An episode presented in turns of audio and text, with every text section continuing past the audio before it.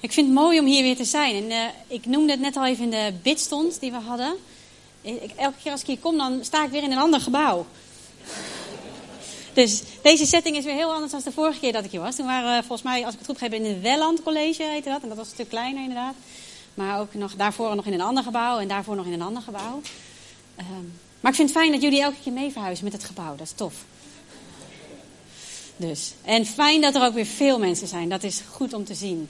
Mooi. En um, we waren net aan het zingen. En Marco, ik moet je zeggen, je hebt de liederen echt goed uitgekozen. Ik had je natuurlijk gezegd waar ik over zou gaan hebben.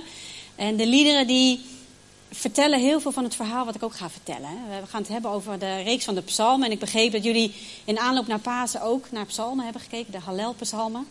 En eigenlijk gaan we verder waar jullie gestopt zijn. Daar ga ik verder. En dat was het eerste wat ik mailde aan Marco toen hij vroeg waar ga je het over hebben. Ik zeg nou, ik wil eigenlijk een reis met jullie maken. Van Psalm 120 naar Psalm 133. Hij zegt, oh wat mooi. Want we zijn net bezig geweest met precies de psalm daarvoor.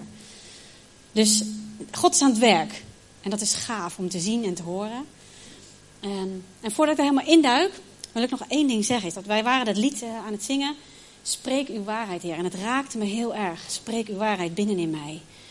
En ik ga een heleboel vertellen. Want uh, een stuk of 11, 12 psalmen in 20 minuten doen is gewoon niet te doen bijna. Dus misschien wordt het een half uurtje, vergeef me dan. Maar misschien is als je me niet meer kan volgen, is dat het belangrijkste. Laat Gods waarheid in jou spreken vandaag. En er zal een moment zijn, een psalm, die voor jou is. Want het zijn er heel veel. En niet alle psalmen kunnen tot jou spreken. Maar er zal er één zijn die voor jou is. En je mag je uitstrekken naar die waarheid. En ik denk echt dat er vanmorgen mensen zijn die echt honger hebben naar die waarheid. Die dorsten naar die waarheid. Weet dat die er is voor jou. En ook als je straks na de dienst denkt van, eigenlijk heb ik nog behoefte aan meer, ga dan naar iemand toe en vraag of die voor, voor jou wil bidden. Je mag naar mij toe komen, je kan naar Marco, er zijn vast ook andere mensen. Iemand die je vertrouwt, vraag of er dan iemand voor je bidt.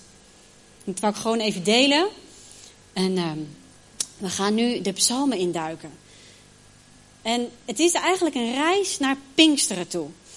En um, nou, Pasen is geweest. We hebben het feest gevierd dat Jezus is opgestaan. En de discipelen hebben ook Jezus weer gezien. Maar op een gegeven moment, wij weten hoe dat verhaal verder gaat in handelingen. Dan gaat Jezus weer bij ze weg. En ik denk dat dat weer een desillusie was voor die discipelen. En ze waren bij elkaar en op een gegeven moment vieren zij het Pinksterfeest. Want ook in de Bijbel bestond het Pinksterfeest al. Bij ons is Pinksterfeest de uitstorting van de Heilige Geest. Dat vieren we dan. Maar in de Bijbel was het een ander feest. Maar ook daar gebeurden een hoop dingen. En we lezen in Handelingen dat de discipelen bij elkaar waren bij het Pinksterfeest. Dus er waren daardoor heel veel mensen in Jeruzalem. En toen kwam de Heilige Geest. En ik vraag me af wat voor verwachting zij hadden van dat feest. Ik denk dat ze niet zo in de feeststemming waren. Ja, Jezus was opgestaan, maar hij was weer weggegaan. En dan? En dan? Wat moeten we dan gaan doen? Welke verwachting of welk verlangen hadden zij? Ik weet het niet. En hier zitten wij, wij hebben ook net Pasen gevierd. En met welke verwachting of met welk verlangen leef jij toe naar Pinksteren? Het is uh, nog een krappe zes weken. Welk verlangen heb jij? Wat hoop jij van Pinksteren? Kijk, we vieren dat de Heilige Geest wordt uitgestort. Maar wat voor verwachting heb jij daarvan? Als die Heilige Geest komt. En ik wil graag met je lezen, begin bij het eind, Psalm 133. En het is best een bekende psalm. in deze reeks van psalmen zitten een heleboel bekende psalmen. En in Psalm 133 staat, en even voor een beeld te schetsen, die psalmen die we straks door gaan lopen, zijn eigenlijk als het ware een reis naar Jeruzalem. Want dat Pinksterfeest, daarvoor ging iedereen op weg naar Jeruzalem om dat feest te vieren. En het was een oogstfeest. Je nam je tiende mee van het land, de zegen die de Heer in dat jaar gegeven had. Je ging danken voor de oogst, maar je ging ook daarheen om de zegen van de Heer te ontvangen. En je moet je voorstellen dat je begint bij je eigen huis, je loopt de straat uit en je dorp uit. En bij een dorp verder haken er nog wat mensen aan. En een dorp verder nog meer mensen. En die groep die groeit en die groeit en die groeit. En uiteindelijk ga je met een hele stroom mensen richting Jeruzalem. En ik kan me voorstellen, met hoe meer mensen je bent, hè, dat zul je hier ook merken, met hoe meer mensen je bent, hoe meer verhalen. Hoe meer vreugde. Oh, wat leuk dat jij er ook bent. Oh, ik heb je een jaar niet gezien. Hoe gaat het? En uiteindelijk komen ze bij Jeruzalem aan. En dan Psalm 133. Zie hoe goed en hoe lieflijk is het dat broeders ook eensgezind samenwonen. Het is als kostelijke olie op het hoofd, die neerdruipt op de baard, de baard van Aaron, die neerdruipt op de zoom van zijn priesterkleed. Het is als de dauw van de Hermon, die neerdaalt op de berg van Sion. Want daar gebiedt de Heer de zegen en het leven tot in eeuwigheid.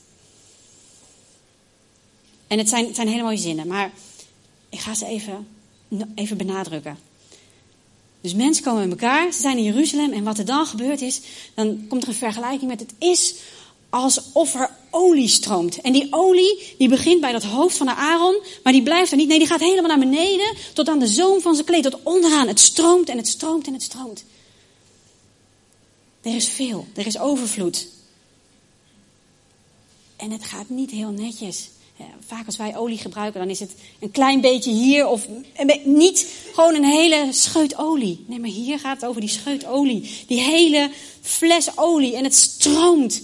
En die hele kleding is vies. Of juist gezegend, want het was heilige olie.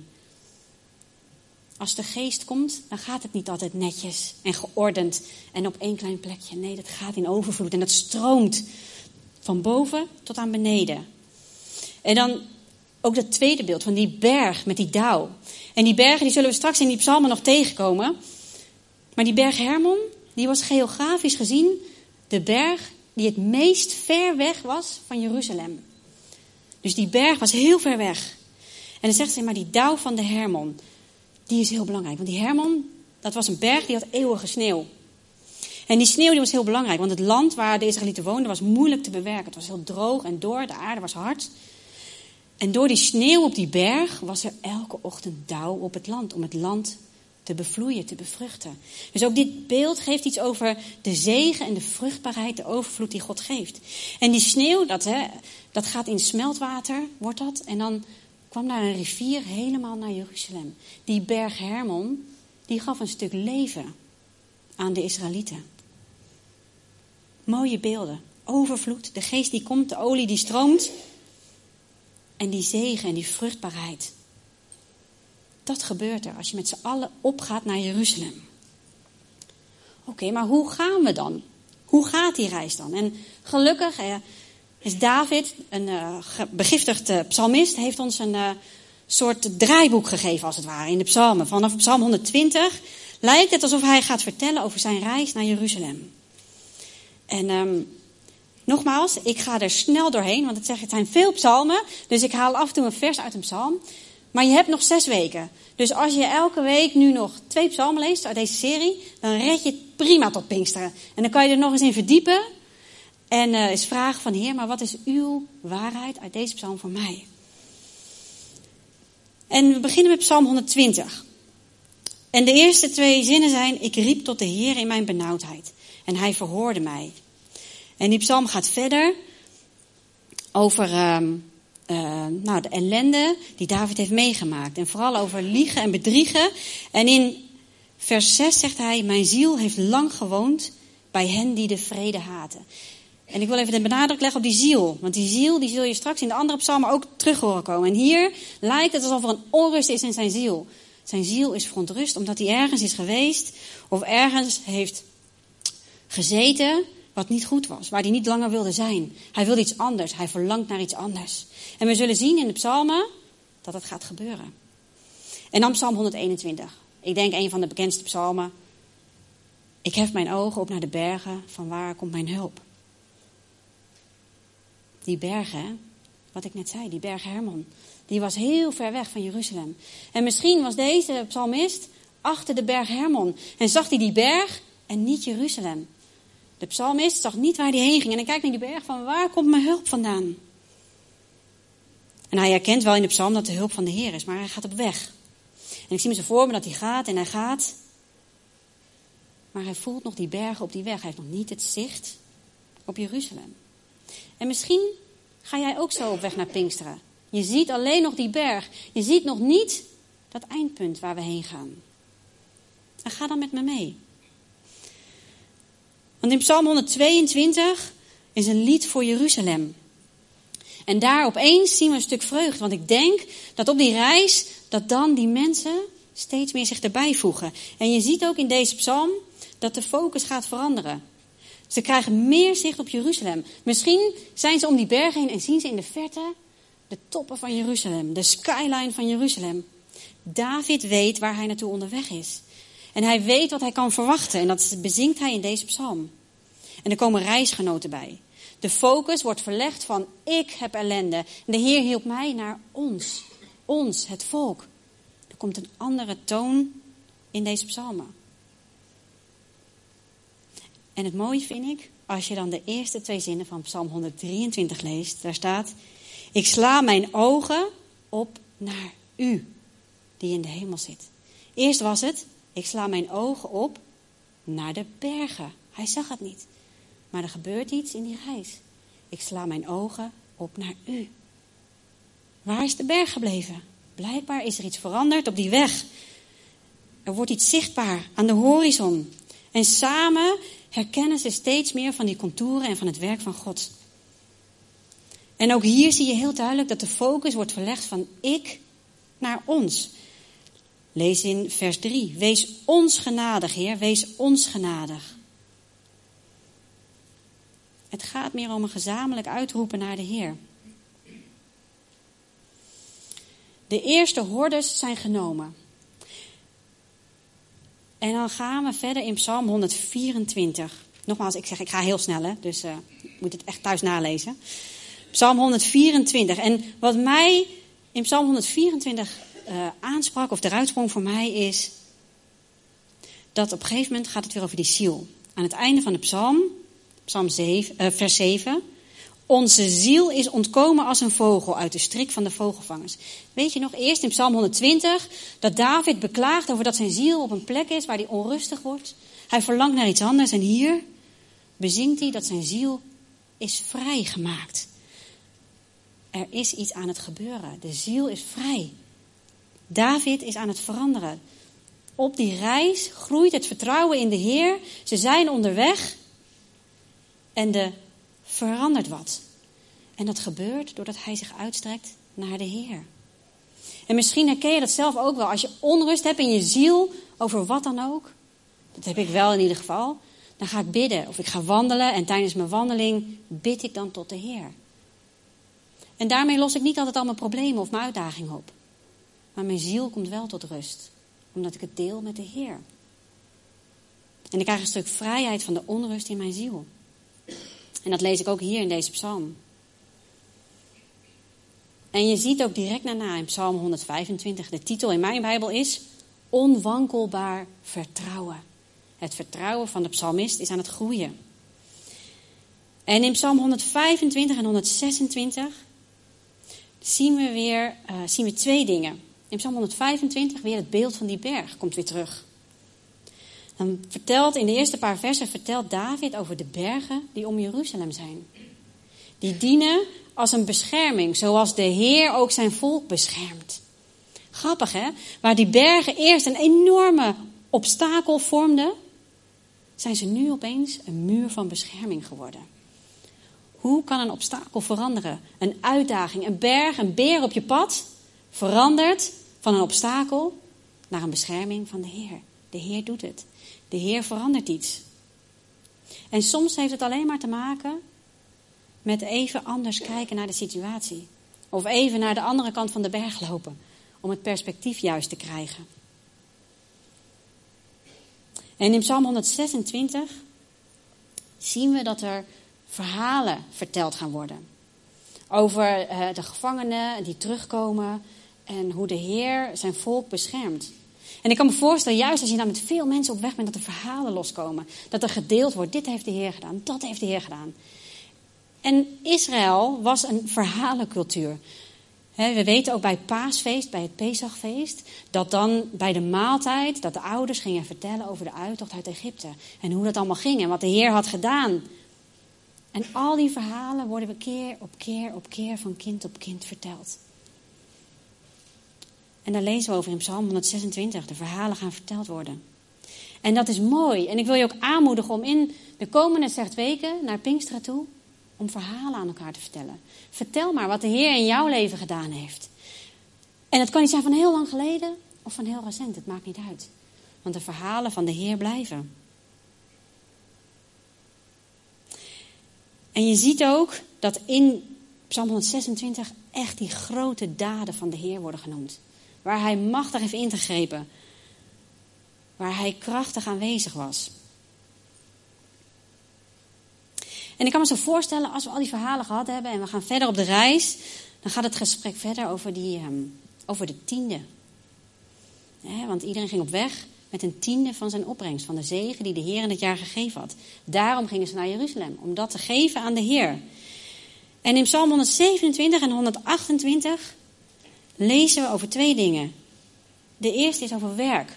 Over de zegen van de Heer die op het werk van de mensen komt. Over de Heer die het huis bouwt. En als Hij het niet bouwt, dan is het te vergeefs.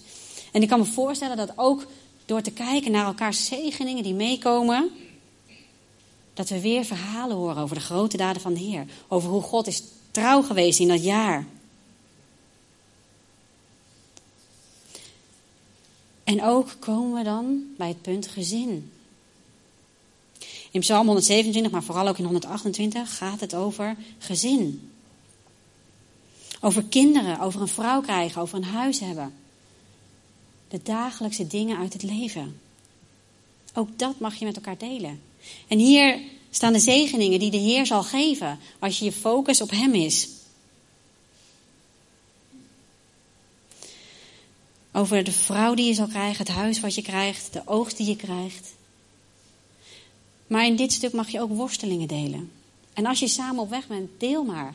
Waar jij mee worstelt in je gezin, in je huis, in je werk, in je financiën. Met elkaar mag je delen. En ik vond het ook zo mooi wat hier op de banner staat. Ik zat er ook net naar te kijken. Samen in Jezus geloven, door Jezus groeien, van Jezus getuigen. En door Jezus groeien, het samen delen is daar echt een onderdeel van. Vertel maar wat je moeite zijn. En spreek het uit, zodat anderen ook zegening erover kunnen uitspreken. Of voor je kunnen bidden, of je kunnen helpen. En eh, ik, kwam toen in Psalm 129 aan. En ergens is Psalm 129 een beetje vreemde eend in de bijt. Want opeens schrijft David terug naar iets uit zijn jeugd. En toen dacht ik, het is eigenlijk ook net een mini-conferentie, die hele reis naar Jeruzalem heel veel conferenties waar ik onderdeel van ben. Ik ben event manager, dus ik organiseer en help mee op heel veel conferenties. Is dat we komen eerst in de gezamenlijkheid. En dan heb je op een gegeven moment een avond waarin je persoonlijk wordt aangesproken. Waarin je vaak een oproep krijgt om je hart aan de Heer te geven. Of iets bij de Heer neer te leggen. Of je nood uit te storten. En dan daarna gaan we weer met vreugde naar huis. En dan dacht ik, oh, die Psalm 129 is precies dat moment in de conferentie waarin je wordt gevraagd om echt je nood uit te storten bij de Heer.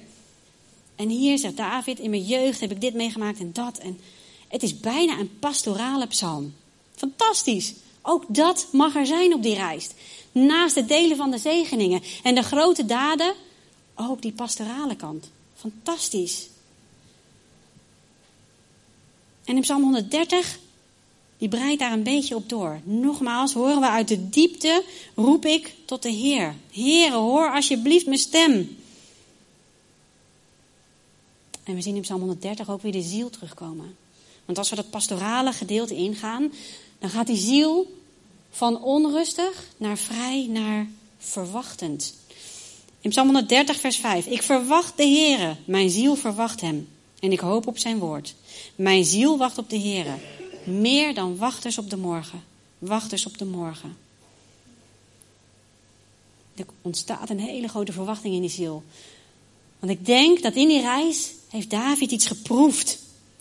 Van de Heer, van zijn geest, er is iets gebeurd.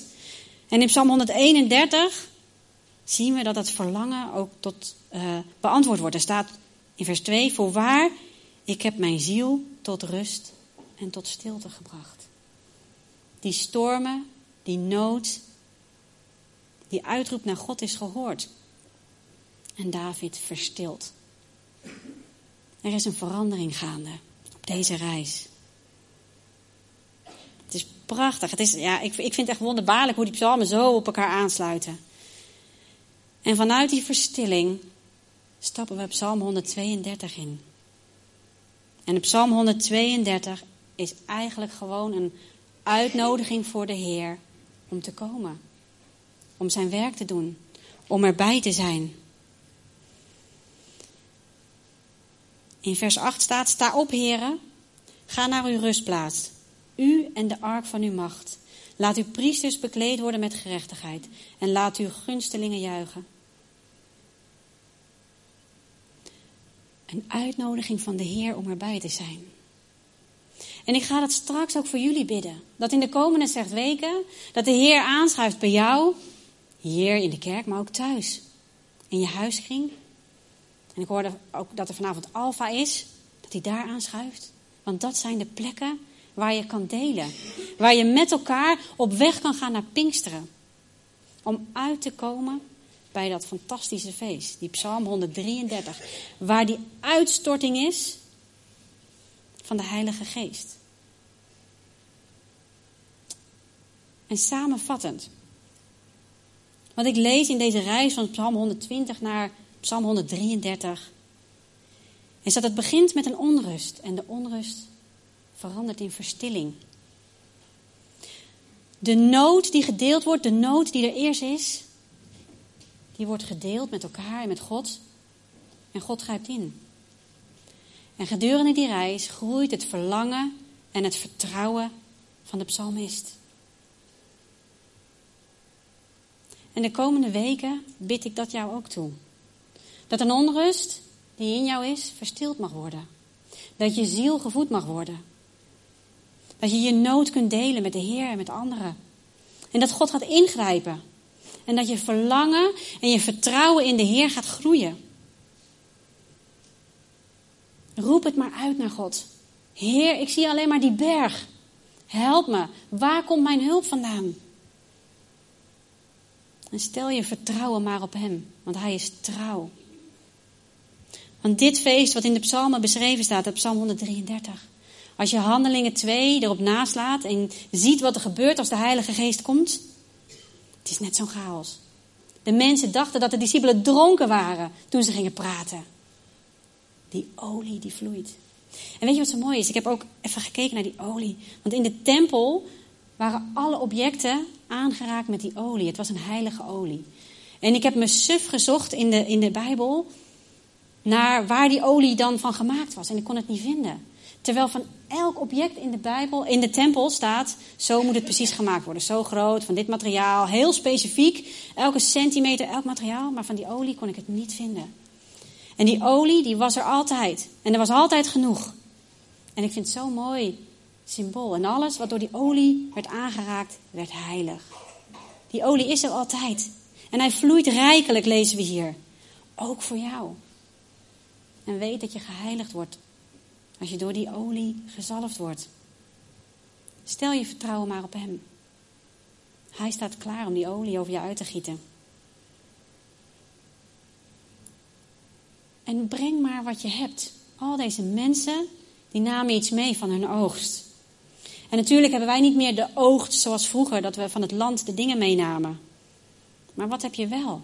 Wat kan je aanbieden aan de Heer? Om Hem te danken voor de zegen van het afgelopen jaar. En vooral wat misschien wat het belangrijkste is, vertel elkaar de verhalen. Vertel maar wat de Heer heeft gedaan in jouw leven dit jaar. Of vorig jaar, of tien jaar geleden. Het maakt niet uit, want wat de Heer doet, blijft staan. En het houdt stand. En ik hoop dat we zo met elkaar op weg mogen gaan naar Pinksteren.